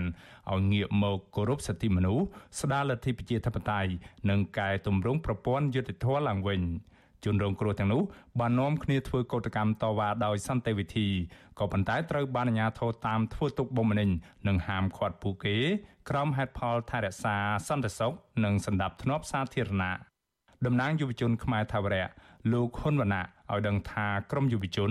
បាននាំគ្នាធ្វើកោតកម្មបង្អត់អាហារអស់រយៈពេលមួយសប្តាហ៍គឺដល់ថ្ងៃទី6ហើយ ដើម្បីទាមទាររោគយុត្តិធម៌ជូនអ្នកទោសមនសិការក៏ប៉ុន្តែពួកគេត្រូវបានអាជ្ញាធរក្រុងភ្នំពេញតាមរំខាន បំផិតបំភ័យជាហូរហែក្នុងគោលបំណងឲ្យពួកគេបញ្ឈប់សកម្មភាព នៅទីលានប្រជាធិបតេយ្យលោកឲ្យដឹងថារហូតមកទល់ពេលនេះមានយុវជនខ្មែរថាវរៈចំនួន4នាក់ហើយបានធ្លាក់ខ្លួនឈឺនិងដួលសន្លប់ក្នុងនោះរួមមានលោកស្វាយសំណាងត្រូវបានដឹកទៅសង្គ្រោះបន្ទាន់នៅមន្ទីរពេទ្យដោយគ្រូពេទ្យកំពុងពិនិត្យនិងព្យាបាលយុវជនរូបនេះព្រួយបារម្ភថាក្រោយកិច្ចប្រជុំកំពូលអាស៊ាន ការអនុវត្តសិទ្ធិសេរីភាពរបស់ពលរដ្ឋនឹងកាន់តែយ៉ាប់យ៉ឺនជាងនេះប្រសិនបើក្រុមមេដឹកនាំប្រទេសប្រជាធិបតេយ្យមិននាំគ្នាដាក់សម្ពាធណាមួយទៅរដ្ឋាភិបាលកម្ពុជាឲ្យលើកកម្ពស់សិទ្ធិមនុស្សឡើងវិញនោះទេ យើងជាប្រជាពលរដ្ឋមកដល់ពេលនេះមិនដែលមានពលឺមិនដែលមានការផ្ដោតក្តីសង្ឃឹមណាមួយថាយើងត្រូវបានគេឈឺឆ្អាលអញ្ចឹងខ្ញុំរំពឹងថាមានតែសហរដ្ឋអាមេរិកដែលអាចជួយបានបន្តគោលជំហរនៅជាមួយប្រជាពលរដ្ឋខ្មែរគិតគូរទៅដល់សុខទុក្ខប្រជាពលរដ្ឋខ្មែរហើយអាចការពិចារណាជួយចូលរួមដោះស្រាយនៅវិបត្តិនយោបាយខ្មែរយើងជាពិសេសនៅការបោះឆ្នោតខាងមុខនេះ ចំណែកឯតំណាងស្ត្រីថ្ងៃសុកនឹងជាប្រពន្ធមន្ត្រីគណៈបកសង្គ្រោះជាតិនៅរាជធានីភ្នំពេញដែលកំពុងជាប់ពន្ធនាគារលោកកកកំភៀគឺលោកស្រីព្រំចន្ទថាលោកស្រីថ្លែងថាកិច្ចប្រជុំកំពូលអាស៊ាននៅពេលនេះគឺជាឱកាសល្អសម្រាប់ជនរងគ្រោះដែលរងនៅភាពអយុត្តិធម៌ពីសំណាក់រដ្ឋាភិបាលកម្ពុជាកន្លងមកប្រពន្ធសកម្មជនបកប្រជារូបនេះឲ្យដឹងថាលោកស្រីគ្រងនាំគ្នាចេញទៅដាក់ញត្តិ ជូនប្រធានាធិបតីសហរដ្ឋអាមេរិកលោក Joe Biden នៅថ្ងៃទី12ខែវិច្ឆិកានេះដែរក៏ប៉ុន្តែត្រូវសមត្ថកិច្ចចម្រុះជាច្រើនអ្នកបានឡោមព័ទ្ធមិនអនុញ្ញាតឲ្យលោកស្រីចេញពីផ្ទះនោះឡើយ ទោះយ៉ាងណាលោកស្រីស្នើដល់ប្រធានាធិបតីអាមេរិកលោក Joe Biden ឲ្យអន្តរាគមន៍ទៅរដ្ឋាភិបាលកម្ពុជាឲ្យងាកមកគោរពកិច្ចព្រមព្រៀងសន្តិភាពទីក្រុងប៉ារីដោយបញ្ឈប់ការធ្វើទុកបុកម្នេញផ្នែកនយោបាយដោយដោះលែងអ្នកទោសមនសិការទាំងអស់និងបើកលំហប្រជាធិបតេយ្យតាមរយៈការរៀបចំការបោះឆ្នោតដោយសេរីត្រឹមត្រូវនិងយុត្តិធម៌ឡើងវិញ នេះជាឱកាសមាសមួយដែលត្រូវចេញប៉ុន្តែឥឡូវពួកខ្ញុំចេញអត់ការដោយសារមានការឃ្លាំមើលយ៉ាងខ្លាំងហើយតាមតឹងខ្លាំងមែនតែនតែម្ដងហើយទី1ទី2ទៀតឥឡូវខ្ញុំផ្ទាល់នេះអេមកបិទចិត្តឈឹងហើយផាត់ឡោមផាត់ឲ្យអាញាធរមួយទៅខ្ញុំគិតថាជំនួបការប្រជុំនេះនឹងមានការប្រែប្រួលដើម្បីឲ្យដោះលែងអ្នកប្រជាធិបតេយ្យទាំងអស់ជាពិសេសអ្នកទោមអ្នកសការទាំងអស់ដែលជាក្រុមគូសាររបស់ប្តីខ្ញុំតែម្ដងខ្ញុំគិតថានឹងអាចប្រែប្រួល រីឯក្រុមកោតក្រកាស៊ីណូ Nagawal វិញពួកគេនៅតែបន្តប្រមូលផ្ដុំឆូតវ៉ានៅខាងមុខអគារក្រុមហ៊ុន ដើម្បីទាមទារឲ្យរដ្ឋាភិបាលលោកហ៊ុនសែននិងម្ចាស់ក្រុមហ៊ុនបនលបែង Nagawal ចេញមុខដោះស្រាយវិវាទការងារជូនពួកគាត់ទៅតាមផ្លូវច្បាប់ក៏ប៉ុន្តែក្រុមកោតក្រត្រូវបានអាជ្ញាធរស្លៀកពាក់ស៊ីវិលនិងឯកសន្តានរាប់សិបនាក់ដាក់ពង្រាយកម្លាំងតាមឃ្លាំមើលសកម្មភាពរបស់ពួកគេ កោតក្រកាស៊ីណូ Nagawal ម្នាក់កញ្ញាម៉ែនសុធីវឌ្ឍនាប្រាវិសុយស៊ីស្រីថាក្រុមកោតក្រធ្វើកោតកម្មជិត1ឆ្នាំមកហើយក៏ប៉ុន្តែពុំទទួលបានដំណោះស្រាយនោះទេផ្ទុយទៅវិញអាជ្ញាធរនឹងភៀកគីក្រុមហ៊ុន បានលៀបពណ៌និងចោទប្រកាន់ពួកគេតាមប្រព័ន្ធតុលាការ ហើយប្រើអំពើហិង្សាទាត់ធាក់កម្មករតាមទំនឹងចិត្ត កញ្ញាស្នើដល់ក្រុមមេដឹកនាំពិភពលោកដែលមកចូលរួមកិច្ចប្រជុំកំពូលអាស៊ាននៅពេលនេះឲ្យយកសំណើរបស់ក្រុមកម្មករដើម្បីជំរុញឲ្យរដ្ឋាភិបាលកម្ពុជា បង្ហាញឆន្ទៈច្បាស់លាស់នៅក្នុងការបញ្ចប់វិវាទការងារជូនកម្មករប្រកបដោយភាពស្មោះត្រង់បញ្ឈប់ការរឹតបន្តឹងសេរីភាពនៃការសម្ដែងមតិនិងការប្រើប្រាស់ប្រព័ន្ធតុលាការដាក់សម្ពាធមកលើពលរដ្ឋតទៅទៀត សូមឲ្យប្រទេសដែលជាអាស៊ានទាំងអស់គោរពនៅច្បាប់ការងារដើម្បីឲ្យមានស្ថិរភាពនៅក្នុងអាស៊ានយើងហ្នឹងហើយនឹងស្នើសុំឲ្យខាងដឹកនាំកម្ពុជាកម្ពុជាដូចជាថ្នាក់ដឹកនាំអាមេរិកសូមជួយជំរុញរដ្ឋាភិបាលខ្មែរឲ្យដោះស្រាយនៅក្នុងវិវាទការងារហ្នឹងមួយមួយនេះផង ដោយឡែកតំណាងសហគមន៍រងគ្រោះដីធ្លីនៅស្រុកបទុមសាគរខេត្តកោះកុងលោកស្រីសាំងណយថ្លែងថាពលរដ្ឋនៅក្នុងសហគមន៍លោកស្រីបានបាត់បង់ដីធ្លីធ្វើស្រែចម្ការចាប់តាំងពីឆ្នាំ2006មកម្ល៉េះដោយសារតែក្រុមហ៊ុនរបស់អ្នកមានលុយមានអំណាច បានរំលោភយកទៅកាន់កាប់ដោយមិនបានផ្ដល់ដំណោះស្រាយត្រឹមត្រូវធ្វើឲ្យពលរដ្ឋមានជីវភាពកាន់តែក្រីក្រត្រូវចំណាក់ស្រុកហើយកូនកូនរបស់ពួកគេត្រូវបោះបង់ចោលការសិក្សាទាំងបង្ខំជាដើមលោកស្រីដឹងថាកន្លងមកពលរដ្ឋបាននាំគ្នាចេញដាក់ញត្តិស្វែងរកកិច្ចអន្តរាគមន៍ពីរដ្ឋាភិបាល និងក្រសួងពាក់ព័ន្ធជាបន្តបន្ទាប់ដែរក៏ប៉ុន្តែមន្ត្រីទាំងនោះមិនបានផ្ដល់ដំណោះស្រាយណាមួយជូនពលរដ្ឋឲ្យបានសមរម្យនោះទេ លោកស្រីសាំងណុយឲ្យដឹងថាថ្មីថ្មីនេះលោកស្រីបានលើកឡើងនៅសំណើនិងកង្វល់សំខាន់សំខាន់របស់សហគមន៍នៅក្នុងវេទិកាប្រជាពលរដ្ឋអាស៊ានរួចហើយដើម្បីដាក់ជូនរដ្ឋាភិបាលយកទៅពិភាក្សានៅក្នុងកិច្ចប្រជុំកំពូលអាស៊ានដូច្នេះលោកស្រីសង្ឃឹមថាពលរដ្ឋរងគ្រោះនឹងទទួលបានដំណោះស្រាយត្រឹមត្រូវនាពេលខាងមុខនេះ អត់បានឬក៏យើងនៅតស៊ូទៅទៀតចឹងលោកគ្រូប៉ុន្តែគាត់ថារំពឹងថាគេយកទៅយើងប្រហែលជាសង្ឃឹមថាបានព្រោះអាស៊ានប្រជុំធំចឹងលោកគ្រូយើងទៀមទាវាយូរឆ្នាំយូរខែរាប់ឆ្នាំរាប់ខែមកលោកគ្រូយូរយូរទៅរកតែតែលុយធ្វើដំណើរមិនចង់បាន សំណើរបស់ក្រមពលរដ្ឋរងគ្រោះទាំងនេះធ្វើឡើងចំពេលដែលបណ្ដាមេដឹកនាំពិភពលោកបានធ្វើដំណើរមកដល់ប្រទេសកម្ពុជាជាបន្តបន្ទាប់ដើម្បីចូលរួមកិច្ចប្រជុំកំពូលអាស៊ានលើកទី40និង41និងកិច្ចប្រជុំពាក់ព័ន្ធនានាក្នុងនោះប្រធានាធិបតីអាមេរិកលោក Joe Biden បានធ្វើដំណើរមកដល់កម្ពុជានៅព្រឹកថ្ងៃសៅរ៍ទី12ខែវិច្ឆិកាហើយតាមគម្រោងលោកប្រធានាធិបតីអាមេរិកក៏អាចនឹងមានជំនួបទ្វេភាគីជាមួយលោកនាយរដ្ឋមន្ត្រីហ៊ុនសែនផងដែរ នៅមុនដំណើរទស្សនកិច្ចរបស់ប្រធានាធិបតីអាមេរិកលោក Joe Biden ដើម្បីមកចូលរួមកិច្ចប្រជុំកំពូលអាស៊ានអាមេរិកនិងកិច្ចប្រជុំកំពូលអាស៊ីបូព៌ានៅក្រុងភ្នំពេញចាប់ពីថ្ងៃទី12ដល់ថ្ងៃទី13ខែវិច្ឆិកាក្រសួងការបរទេសអាមេរិកគូបញ្ជាក់ថាសហរដ្ឋអាមេរិកនៅតែបន្តផ្ដោតអាទិភាពអំពាវនាវឲ្យដោះលែងមេធាវីសញ្ជាតិខ្មែរអាមេរិកាំងកញ្ញាសេងធីរីនិងសកម្មជនគណបកប្រឆាំងទាំងអស់ដែលត្រូវបានជាប់ឃុំឃាំងដោយអយុត្តិធម៌ ឆ្លើយតបរឿងនេះប្រធានអង្គភិបអ្នកណែនាំពាក្យរដ្ឋាភិបាល លោកផៃស៊ីផាននិយាយថាការតស៊ូមតិនិងការដាក់ញត្តិរបស់ពលរដ្ឋស្នើសុំឲ្យរដ្ឋាភិបាលបរទេសជួយអន្តរាគមន៍មករដ្ឋាភិបាលកម្ពុជានោះមិនអាចរកដំណោះស្រាយបានទេលោកអាងថាក្រសួងយុតិធធបានកែតម្រង់ប្រព័ន្ធច្បាប់ហើយរដ្ឋាភិបាលតែងតែទទួលយកសំណើរបស់ពលរដ្ឋ មកដោះស្រាយជាបន្តបន្ទាប់ដូច្នេះហើយលោកជំរុញឲ្យពលរដ្ឋទាំងនោះស្វែងរកយុត្តិធម៌តាមរយៈប្រព័ន្ធច្បាប់និងស្ថាប័នរបស់កម្ពុជាវិញយើងប្រើប្រាស់ទៅតាមយន្តការហើយនិន្នាការច្បាប់ណាអានឹងជាជាងការតស៊ូមតិ ការតស៊ូមតិហ្នឹងគ្រាន់តែជាការបង្រៀនគោលនយោបាយទេវាមិនមែនជាការដោះស្រាយទេហើយវាអត់មានបានផលអីសម្រាប់អ្នកដទៃទៀតវាក៏បានផលអ្វីសម្រាប់អ្នកទទួលអំពើដែលគេយល់ឃើញថាជាការជិះជាន់ឬការរំលោភសិទ្ធិ ទោះជាយ៉ាងណាមន្ត្រីសិទ្ធិមនុស្សជាតិធ្លាប់លើកឡើងថាសហគមន៍អន្តរជាតិចង់ឃើញរដ្ឋាភិបាលកែលម្អស្ថានភាពប្រជាធិបតេយ្យនិងគោរពសិទ្ធិមនុស្សឲ្យបានប្រសើរឡើងវិញដើម្បីផលប្រយោជន៍សេដ្ឋកិច្ចនិងការអភិវឌ្ឍសម្រាប់ពលរដ្ឋខ្មែរ ទន្ទឹមនឹងនេះការដែលក្រមប្រទេសនិយមប្រជាធិបតេយ្យលើកឡើងបញ្ហាទាំងនេះឲ្យរដ្ឋាភិបាលកម្ពុជាពិនិត្យនិងដោះស្រាយមិនមែនជាការជ្រៀតជ្រែកកិច្ចការផ្ទៃក្នុងរបស់កម្ពុជានោះទេ ពីព្រោះពួកគេមានកាតព្វកិច្ចនៅក្នុងការជួយដល់កម្ពុជាដោយដែលមានចែងនៅក្នុងស្មារតីនៃកិច្ចព្រមព្រៀងសន្តិភាពក្រុងប៉ារីឆ្នាំ1991 ចំណែកឯរបាយការណ៍របស់គម្រោងយុទ្ធធរពិភពលោកហៅកាត់ថា WJP បានរកឃើញថាប្រទេសកម្ពុជាពូកែខាងរំលោភច្បាប់ជាងគេប្រទេសកម្ពុជាជាប់ចំណាត់ថ្នាក់ផ្នែកនីតិរដ្ឋឬគោរពច្បាប់ស្ទើរតែនៅបាតតារាង គឺនៅលេខ139ក្នុងចំណោម140ប្រទេសនៅក្នុងឆ្នាំ2022នេះ របាយការណ៍ដដែលនេះបានបង្ហាញកត្តាចម្បងចម្បងចំនួន8សម្រាប់ដំណើរការដាក់សន្ទុះនីតិរដ្ឋនៅក្នុងនោះរួមមានដូចជា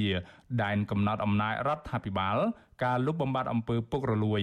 រដ្ឋាភិបាលបើកទូលាយសិទ្ធិជាមូលដ្ឋានសម្ដាប់ធ្នាប់និងសន្តិសុខសង្គមការពង្រឹងការអនុវត្តច្បាប់យុត្តិធម៌ផ្នែករដ្ឋបវេនីនិងយុត្តិធម៌ផ្នែកព្រហ្មទណ្ឌដែលកម្ពុជាសុទ្ធតែទទួលបានពិន្ទុទាបទាំងអស់ ខ្ញុំបាទមេរិត Visual C ស្រីរាយការណ៍ពីរដ្ឋធានី Washington បាទលោកនាងជាទីមេត្រីតកតងទៅនឹងកិច្ចប្រជុំកំពូលអាស៊ានដែលកំពុងតែប្រព្រឹត្តទៅនៅរាជធានីភ្នំពេញនេះដែរឥឡូវនេះយើងមានអ្នករាយការណ៍ព័ត៌មានរបស់យើងមួយរូបប្រចាំនៅតំបន់អាស៊ីប៉ាស៊ីហ្វិកគឺលោកថាថៃលោកនឹងចូលខ្លួនដើម្បីរៀបរាប់បន្ថែមរៀបរាប់លម្អិតអំពីព្រឹត្តិការណ៍នៅថ្ងៃនេះបាទខ្ញុំបាទសូមជម្រាបសួរលោកថាថៃបាទ បាទជំរាបសួរលោកយ៉ងច័ន្ទរានិងសូមជម្រាបសួរដល់ប្រិយមិត្តអ្នកស្ដាប់ជាថ្មីម្ដងទៀតបាទបាទ អរគុណលោកថាថៃលោកថាថៃប្រហែលថ្ងៃនេះប្រហែលជាសកម្មណាស់ហើយនៅក្នុងការតាមដានព្រឹត្តិការណ៍ដ៏ធំប្រចាំតំបន់នេះគឺថាកិច្ចប្រជុំកម្ពុជាអាស៊ាននិងកិច្ចប្រជុំពាក់ព័ន្ធដទៃទៀតហើយយើងក៏ដឹងទាំងអស់គ្នាហើយថាព្រឹត្តិការណ៍ដែលជាទីចាប់អារម្មណ៍សំខាន់មួយទៀតនៅថ្ងៃនេះគឺវត្តមានរបស់ប្រធានាធិបតីអាមេរិកលោកโจ Biden ទៅដល់ប្រទេសកម្ពុជាមុននឹងយើងជជែកអំពីវត្តមានលោក Biden ហើយនឹងជំនួបពាក់ព័ន្ធដទៃទៀតក្នុងក្របខ័ណ្ឌអាស៊ានអាមេរិកខ្ញុំចង់ឲ្យលោកថាថៃរៀបរាប់បន្ថែមទៀតអំពីកិច្ចប្រជុំទាំងឡាយណាដែលប្រព្រឹត្តទៅនៅថ្ងៃនេះថាតើប្រព្រឹត្តទៅយ៉ាងដូចម្ដេចហើយមានកម្មវិធីលំអិតអ្វីខ្លះបាទលោកថាថៃបាទបាទអរគុណលោកយ៉ងច័ន្ទរាបាទតកតងទៅនឹងកិច្ចប្រជុំកម្ពុជាអាស៊ាននៅថ្ងៃទី3នេះគឺមានលក្ខណៈពិសេសមែនទែនដោយសារតែមានវត្តមានរបស់ប្រធានាធិបតីសហរដ្ឋអាមេរិកគឺលោកโจ Biden បានមកចូលរួមកិច្ចប្រជុំកម្ពុជាអាស៊ានអាមេរិកផ្ទាល់តែម្ដងនៅទឹកដីកម្ពុជាបាទសូមបញ្ជាក់ថាលោកโจ Biden ប្រធានាធិបតីសហរដ្ឋអាមេរិកបានធ្វើដំណើរមកដល់ប្រទេសកម្ពុជានៅព្រឹកមិញនៅម៉ោងជាង8ព្រឹកហើយដល់តាមរយៈយន្តហោះពិសេសរបស់លោកហើយនៅពេលមកដល់ប្រលានយន្តហោះហ្នឹងក៏អឺចង់ចង់បញ្ជាក់កន្លែងនឹងតិចដែរដោយសារថាការដែលមានលក្ខណៈខុសគ្នាដែរក្នុងការទទួលស្វាគមន៍របស់ប្រធានាធិបតីសហរដ្ឋអាមេរិកជាមួយនឹងមេដឹកនាំមកពីប្រទេសផ្សេងផ្សេងដែលកម្ពុជាជាម្ចាស់ប្រទេសនឹងបាទយើងឃើញថានៅពេលដែលលោកជូបៃដិនចុះមក ពីលើយន្តហោះហ្នឹងយើងឃើញថាយន្តហោះរបស់លោកមិនមានការដាក់កម្រាលព្រំក្រហមដោយចិន្តាយន្តហោះនៃមេដឹកនាំប្រទេសផ្សេងផ្សេងទៀតទេបើយើងប្រៀបធៀបជាមួយនឹង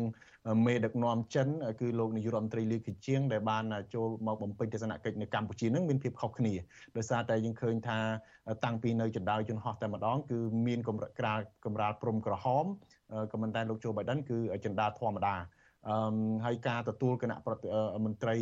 រដ្ឋាភិបាលកម្ពុជាដែលទៅទទួលហ្នឹងក៏យើងឃើញថាទៅទទួលមន្ត្រីចិននាយករដ្ឋមន្ត្រីចិនគឺមានមន្ត្រីគឺលោកហៅនំហងអតីតរដ្ឋមន្ត្រីក្រសួងការបរទេសហើយបច្ចុប្បន្នជាឧបនាយករដ្ឋមន្ត្រីបាទដែលជាអ្នកទៅទទួលលោកនាយករដ្ឋមន្ត្រីចិនគឺលោកលីកឈៀងដោយឡែកតកតងទៅនឹងលោកប្រធានាធិបតីសហរដ្ឋអាមេរិកវិញគឺ រដ្ឋមន្ត្រីក្រសួងប្រៃសណីគឺលោកជាវ៉ាន់ដែតហើយនឹងជាវ៉ាន់ដែតរដ្ឋលេខាធិការក្រសួងការបរបាទបាទគឺលោកគឺក្រសួងការបរទេសមួយដែរគឺលោកអ៊ុចបរិទ្ធបាទ អឺតកតងនឹងបញ្ហានេះលោកថាថៃខ្ញុំសូមកាត់ត្រង់នឹងបន្តិចមុននឹងយើងជជែកបន្ថែមទៀតខ្ញុំចង់នឹងថានៅពេលដែលមានវត្តមាននាយករដ្ឋមន្ត្រីចិនលោកលីខេឆាំងមកកម្ពុជាហ្នឹងគឺថាមានការធ្វើបដិសន្តារកិច្ចល្អមានការក្រាលកម្រាលព្រំក្រហមតាំងពីលើមកហើយកម្រិតនៃមន្ត្រីដែលទៅទទួលហ្នឹងគឺកម្រិតឧបនាយករដ្ឋមន្ត្រីគឺលោកហៅណាំហុងតែម្ដងដែលជាឧបនាយករដ្ឋមន្ត្រីទទួលបន្ទុកកិច្ចការងារខាងផ្នែកកិច្ចការចិនតែប៉ុន្តែរហូតមកដល់លោកโจ Biden វិញបែរជាត្រឹមកម្រិតលោកជាវ៉ាន់ដេតដែលជារដ្ឋមន្ត្រីទេហើយมันមានការធ្វើបដិសន្តារកិច្ចក្នុងកម្រិតដូចថាល្អដូចលោកលីកាជាងទេមែនទេបាទបាទជាការពិតមែនហើយបាទគឺត្រឹមរដ្ឋមន្ត្រីហើយខុសពីរដ្ឋនាយករដ្ឋមន្ត្រីចិនដែលមកបំពេញទស្សនកិច្ចបាទហើយយើងយើងឃើញថាក្រៅពីនឹងក៏មានពេលដែលមេដឹកនាំផ្សេងផ្សេងទៅនឹងគឺមានដាក់កម្លាំងឬក៏ត្រួតពលជាដើម ដើម្បីស្វាគមន៍ប៉ុន្តែលោកជូបៃដិនហ្នឹងគឺមិនមានកងកម្លាំងទៅត្រួតពលអីទេបាទគឺមានលក្ខណៈសាមញ្ញក៏ប៉ុន្តែយើងក៏មិនបានដឹងព័ត៌មានលម្អិតថាតើមូលហេតុអីដែលមិនមានការក្រានកម្រាលព្រំមិនមានត្រួតពលនៅទីនោះដើម្បីស្វាគមន៍លោកជូបៃដិននោះទេប៉ុន្តែយ៉ាងណាក៏ដោយអាចពាក់ព័ន្ធជាមួយនឹងបញ្ហាសន្តិសុខដែលមានការរឹតបន្តឹងដែលតកតងទៅនឹងបញ្ហាសន្តិសុខអីដែល ទីនោះគឺអង្គរៈរបស់លោកប្រធានាធិបតីសហរដ្ឋអាមេរិកដែលមានច្រើនអីហើយក៏មានការប្រុងប្រយ័ត្នមិនឲ្យមានមនុស្សចូលទៅគៀកកន្លែងយន្តហោះពិសេសឬក៏កន្លែងរថយន្តពិសេសមុននឹងលោកចុះមកទេបាទអាចអាចមានក្រុមហេតុផលសន្តិសុខដែរដែលអាចមានការអឺមិនមិនមានឲ្យមានអ្នកដែលមិនមានតំណែងតំណងអីចូលទៅក្បែរទីតាំងយន្តហោះពិសេសរបស់លោក Joe Biden ប៉ុន្តែយ៉ាងណាក៏ដោយបើយើងប្រៀបធៀបអំពីទំនាក់ទំនងនេះមិនមែនជាដំណើរទស្សនកិច្ចផ្លូវការក្នុងនាមជាប្រធានាធិបតីអាមេរិកទៅកាន់កម្ពុជាទេបានជាមិនមានការត្រួតពិលឬមួយក៏យ៉ាងណាលោកថាថៃបាទពីព្រោះយើងដឹងទាំងអស់គ្នាហើយថាលោកโจ Biden ទៅលើកនេះគឺថាក្នុងក្របខ័ណ្ឌនៃកិច្ចប្រជុំកពូលអាស៊ានអាមេរិកទេមិនមែនក្នុងនាមជាទស្សនកិច្ចផ្លូវការរបស់លោកជាប្រមុខរដ្ឋនៃសហរដ្ឋអាមេរិកទៅកម្ពុជាជាផ្លូវការនោះទេបាទអាចដោយសារបញ្ហានោះទេបានជាមិនមានការត្រួតពិលមិនមានការបដិសន្តារកិច្ចអីឲ្យបានដិតដល់ហ្នឹងបាទ អឺតាមពិតមេដឹកនាំប្រទេសផ្សេងផ្សេងទៀតគឺមានលក្ខណៈទទួលលក្ខណៈពិសេសដែរមិនមែនតែមេនាយករដ្ឋមន្ត្រីចិនទេមេដឹកនាំផ្សេងទៀតប៉ុន្តែយើងឃើញចម្លែកតែប្រធានាធិបតីសហរដ្ឋអាមេរិកដែលមានការទទួលហ្នឹងគឺมันមានក្រាលកម្រាលព្រំក្រហមនិងមានត្រុតពលល័យជាដើមបាទអឺហើយយើងឃើញថាបើយើងប្រៀបធៀបចំពោះតំណែងតំណងវិញយើងឃើញថាពេលដែលលោកនាយករដ្ឋមន្ត្រី ចិនមកបំពេញទស្សនកិច្ចនឹងគឺថាមានការទទួលហើយដែលមានការលើកឡើងថាចិនប្រតិពលច្រើនមកលើកម្ពុជាជាពិសេសទៅលើលោកនាយករដ្ឋមន្ត្រីហ៊ុនសែនតែម្ដងដែលលោកនាយករដ្ឋមន្ត្រីហ៊ុនសែនបានយកចិនជាខ្នងបង្អែកក្នុងការរក្សាអំណាចរបស់លោកបាទហើយលោកមិនសូវជាពេញចិត្ត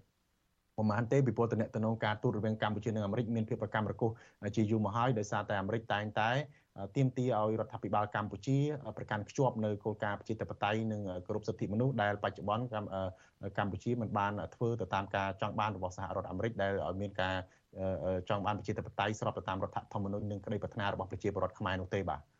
បាទអរគុណលោកថាថៃមុននឹងភ្ជាប់ទៅដល់ចំណុចសំខាន់មួយទៀតនឹងខ្ញុំគ្រាន់តែចង់ចាប់អារម្មណ៍ចំណុចមួយទៀតទេគឺថាឃើញពេលដែលលោកជូបៃដិនចុះពីលើយន្តហោះមកលោកមិនបានចូលទៅក្នុងរថយន្តធ្វើដំណើរទៅប្រជុំអីភ្លាមភ្លាមទេគឺលោកឆ្លៀតជួបជាមួយនឹងប្រជាពលរដ្ឋអាមេរិកសំណេះសំណាលគ្នាសិនដែលយើងមើលឃើញជាទូទៅនឹងគឺថាខុសប្លែកពីមេដឹកនាំដទៃទៀតដែលមកដល់ហើយក៏មានការទទួលស្វាគមន៍ទៅក៏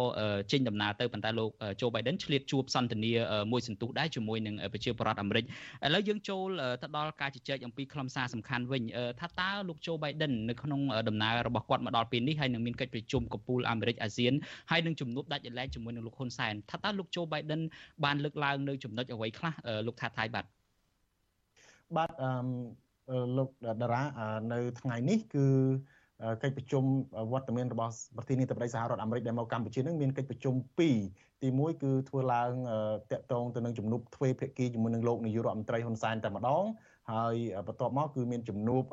ជាមួយនឹងកិច្ចប្រជុំអាស៊ានដែលជាកិច្ចប្រជុំអាស៊ានអាមេរិកដែលលោកនាយករដ្ឋមន្ត្រីនិងលោកโจ Biden នឹងធ្វើជាសហប្រធានបាទអឺនៅក្នុងជំនួបជាមួយនឹងលោកនាយករដ្ឋមន្ត្រីហ៊ុនសែននេះអឺ តាមពិតនៅតាមបណ្ដាញប្រព័ន្ធឃោសនានៅក្នុងស្រុកគឺមិនទាន់មានការបង្ហាញលំអិតនៅឡើយទេលោកនាយករដ្ឋមន្ត្រីហ៊ុនសែនក៏មិនបានបង្ហាញហើយនៅក្នុងអឺសន្និសិទព័ត៌មានដែលរៀបចំដោយអ្នកនាំពាក្យក្រសួងការបរទេសនិងជាអ្នកនាំពាក្យកិច្ចប្រជុំកំពូលអាស៊ាននឹងក៏មិនបានបង្ហាញអំពីលទ្ធផលឬក៏មានអ្វីដែលបានជជែករវាងលោកโจ Biden និងលោកនាយករដ្ឋមន្ត្រីហ៊ុនសែនទេប៉ុន្តែមានការផ្សព្វផ្សាយដោយប្រព័ន្ធឃោសនារបស់រដ្ឋាភិបាលដែរថា ជំនួបនេះគឺលោកโจ Biden បានសរសើរលោកនាយករដ្ឋមន្ត្រីហ៊ុនសែនដែលរៀបចំកិច្ចប្រជុំអាស៊ានហើយសរសើរលោកនាយករដ្ឋមន្ត្រីហ៊ុនសែននឹងតាក់ទងទៅនឹងការក្លាហានចេញសេចក្តីថ្លែងការណ៍រឿងបញ្ហាអឺរុស្ស៊ីឈ្លានពានអ៊ុយក្រែនជាដើមនិងតាកតងទៅនឹងការអន្តរាគមរបស់លោករឿងបញ្ហាមីយ៉ាន់ម៉ាអីជាដើមបាទ ក៏ប៉ុន្តែតាកតងនឹងអ្វីដែលលោកប្រធានាធិបតីសហរដ្ឋអាមេរិកលើកឡើងចំពោះបញ្ហាកម្ពុជាវិញគឺប្រព័ន្ធឃោសនារបស់លោកនាយរដ្ឋមន្ត្រីហ៊ុនសែននឹងមិនបានបង្ហើបឲ្យដឹងថាតើជជែកលើអ្វីនោះទេបាទក៏ប៉ុន្តែយ៉ាងណាក៏ដោយបើយើងមើលសេចក្តីប្រកាសព័ត៌មានរបស់សេតវិមានសហរដ្ឋអាមេរិកបានបង្ហាញដែរថានៅក្នុងអឺជំនួបអឺជំនួបជាមួយនឹងលោកនាយរដ្ឋមន្ត្រីហ៊ុនសែននោះគឺលោកโจ Biden បានលើកឡើងតាក់ទងទៅនឹង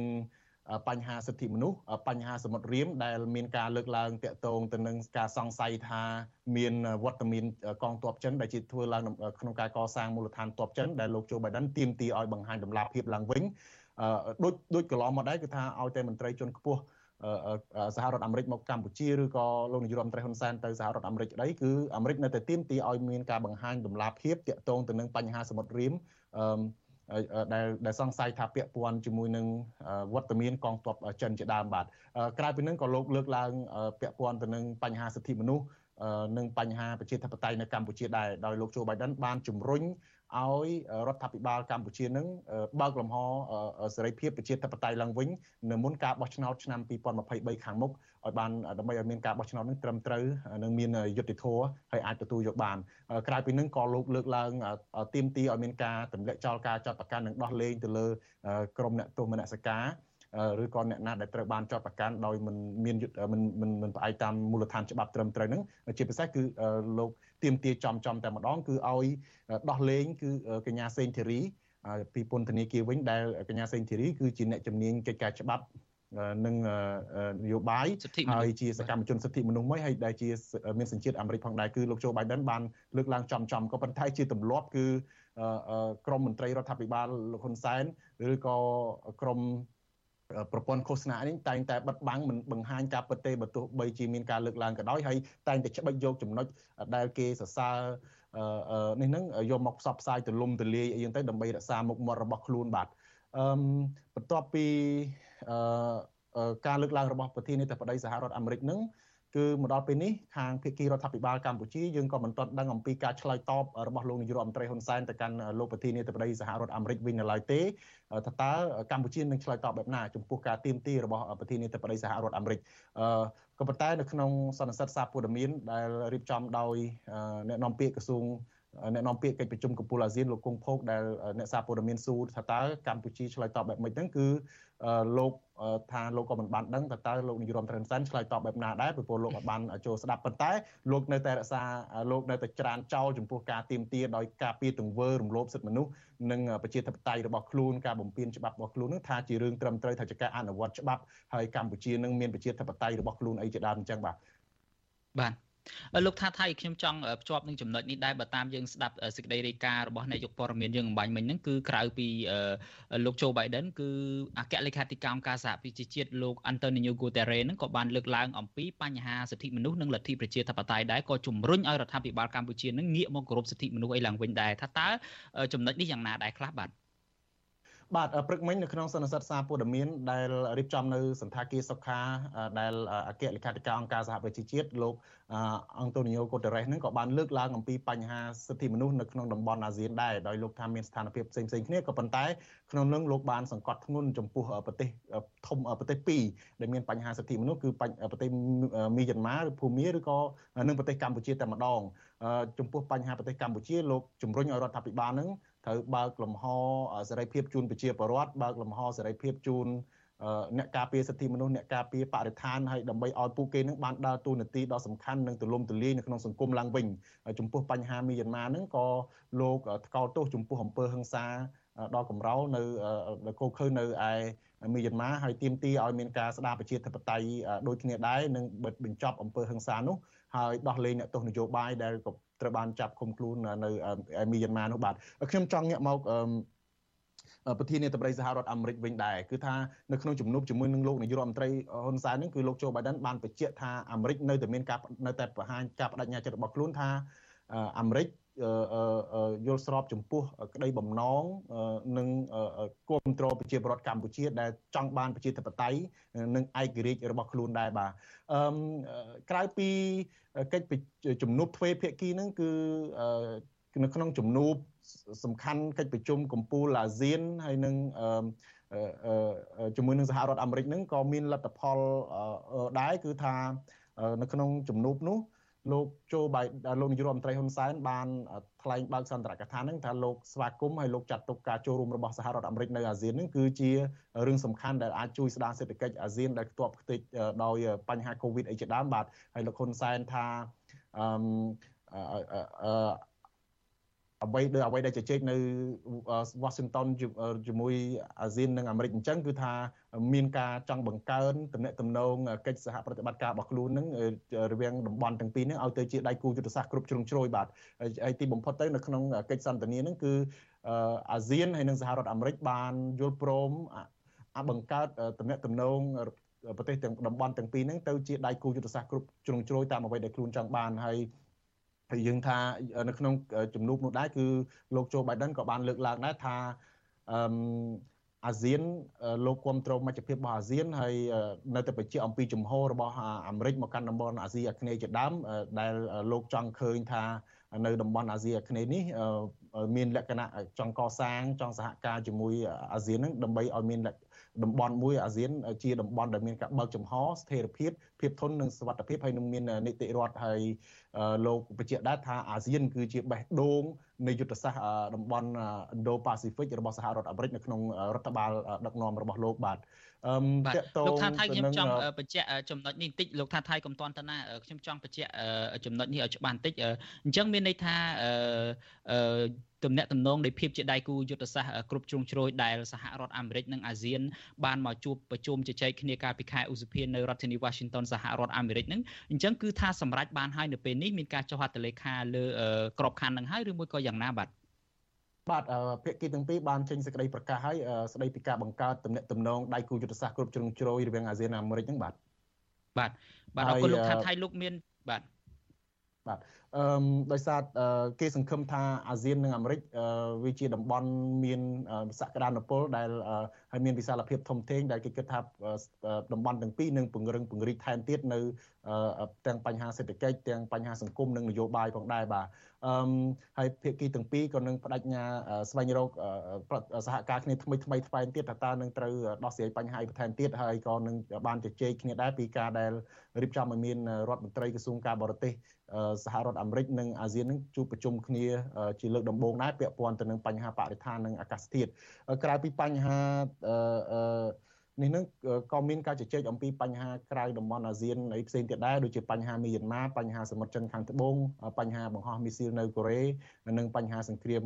នៅអ៊ុយក្រែនជាដើមគឺអាមេរិកក៏បានបង្ហាញថាខ្លួនចង់ដោះស្រាយបញ្ហានេះហើយចង់កសាងតំបន់ចង់ដោះស្រាយបញ្ហានេះឲ្យបាន ចប់សពគ្រប់ហើយដើម្បីឲ្យពិភពលោកមានសន្តិភាពមានស្ថិរភាពមានសុវត្ថិភាពឡើងវិញបាទ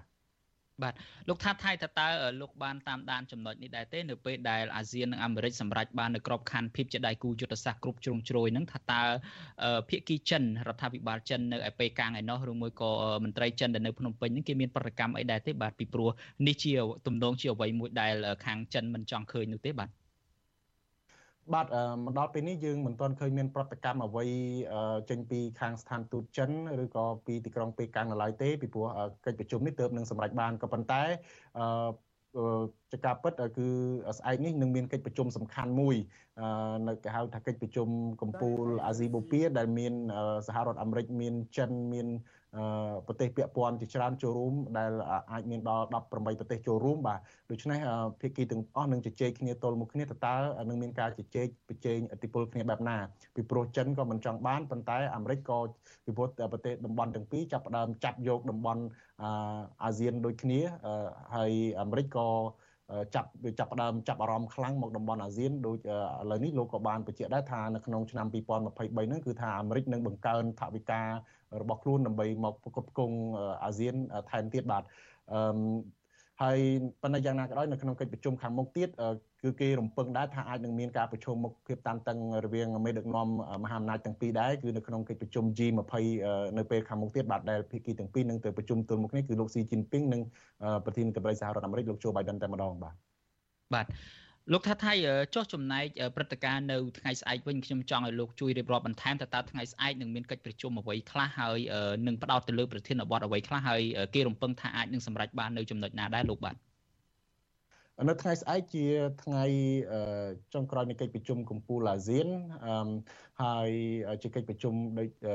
សំខាន់មួយគឺតកតងនឹងកិច្ចប្រជុំកំពូលអាស៊ីបូព៌ាដែលប្រទេសពាក់ព័ន្ធទាំងអស់ហ្នឹងនឹងជជែកពីបញ្ហាក្នុងតំបន់និងបញ្ហាពិភពលោកដូច្នេះអឺ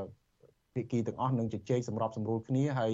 ក្នុងទូនាទីអាស៊ានគឺលោកគង់ភោគថាអាស៊ានក្នុងនាមជាប្រធានអាស៊ានគឺព្យាយាមដោះស្រាយបែបណាឲ្យមានការចរចាសម្របសម្រួលគ្នាដោយសន្តិភាពបាទអឺប៉ុន្តែស្អែកនេះនឹងមានអាចនឹងមានការចេញសេចក្តីថ្លែងការណ៍អីផ្សេងផ្សេងបន្តទៀតដែរបាទបាទលោកថាថៃមានចំណុចណាដែលលោកចង់បន្ថែមជាចុងក្រោយទេដែលខ្ញុំអត់បានសួរពីខាងដើមនោះបាទ បាទអឺគឺកិច្ចប្រជុំនៅថ្ងៃនេះគឺមានកិច្ចប្រជុំដល់ទៅ7ហើយកិច្ចប្រជុំសំខាន់មួយដែរហ្នឹងគឺតកតងទៅនឹងកិច្ចប្រជុំអឺតកតងនឹងកិច្ចប្រជុំអាស៊ានបូក3ដែលមានចិនជប៉ុននិងកូរ៉េភាគីជប៉ុនកូរ៉េចិនអីនេះក៏ជាកិច្ចប្រជុំសំខាន់មួយដែរពីព្រោះដោយសារតែតំបន់ប្រទេសទាំង3នេះមានឥទ្ធិពលមានដំណភាពរបស់ខ្លួនក្នុងការដែលអាចជួយរក្សាស្ថិរភាព កសាងសេដ្ឋកិច្ចហើយនឹងកសាងធានានៅសន្តិសុខសុវត្ថិភាពអីជាដើមបាទក្រៅពីនឹងគឺមានកិច្ចប្រជុំកម្ពុជាអាស៊ានឥណ្ឌាកិច្ចប្រជុំអាស៊ាន កម្ពុជាអាស៊ានអូស្ត្រាលីកិច្ចប្រជុំកម្ពុជាអាស៊ានកាណាដាអីជាដើមដែរបាទមានកិច្ចប្រជុំកម្ពុជាហើយជជែកភាគច្រើនគឺផ្ដោតទៅលើការពង្រឹងពង្រីកទំនាក់ទំនងពាណិជ្ជកម្មការដែលពង្រឹងពង្រីកទៅលើទំនាក់ទំនងបញ្ហាវិនិយោគផ្សេងផ្សេងទាំងបញ្ហាវប្បធម៌សង្គមអីជាដើមហើយនឹងការបង្កើនទំនាក់ទំនង មួយកម្រិតថែមទៀតអីចឹងទៅបាទពីព្រោះប្រទេសខ្លះបច្ចុប្បន្នស្ថិតនៅក្នុងដៃគូសន្តានារបស់អាស៊ាននៅឡើយទេដូច្នេះគេចង់ឲ្យខ្លាយទៅជាដៃគូកិច្ចសហប្រតិបត្តិការគ្រប់ជ្រុងជ្រោយបាទបាទអរគុណលោកថាថៃច្រើនដែលបានចូលខ្លួនមករៀបរាប់លំអិតអំពីលទ្ធផលនៃកិច្ចប្រជុំនៅថ្ងៃនេះហើយយើងនឹងបន្តតាមដាននៅថ្ងៃស្អែកទៀតខ្ញុំបាទសូមអរគុណលោកថាថៃសូមជម្រាបលាលោកបាទបាទសូមអរគុណសូមជម្រាបលាបាទបាទ បាទលោកអ្នកនាងជាទីមេត្រីលោកអ្នកនាងទើបតែបានទស្សនាព័ត៌មានប្រចាំថ្ងៃដែលជម្រាបជូននៅខ្ញុំបាទយ៉ងច័ន្ទដារាបាទក្រុមការងាររបស់យើងនឹងបន្តតាមដានទៀតនៅព្រឹត្តិការណ៍ពាក់ព័ន្ធនឹងកិច្ចប្រជុំអាស៊ាននិងកិច្ចប្រជុំពាក់ព័ន្ធដទៃទៀតហើយយើងខ្ញុំកម្មវិធីផ្សាយរបស់យើងខ្ញុំបានឈានមកដល់ទីបញ្ចប់ហើយនៅពេលនេះយើងខ្ញុំសូមជូនពរដល់លោកអ្នកនាងព្រមទាំងក្រុមការក្រុមគ្រួសារទាំងអស់ឲ្យជួបប្រកបតែនឹងសេចក្តីសុខចម្រើនរុងរឿងកំបីគ្លៀងឃ្លាតឡើយបាទខ្ញុំបាទយ៉ងច័ន្ទដារាព្រមទាំងក្រុមការងារទាំងអស់នៃវិទ្យុអាស៊ីសេរីសូមអរគុណនិង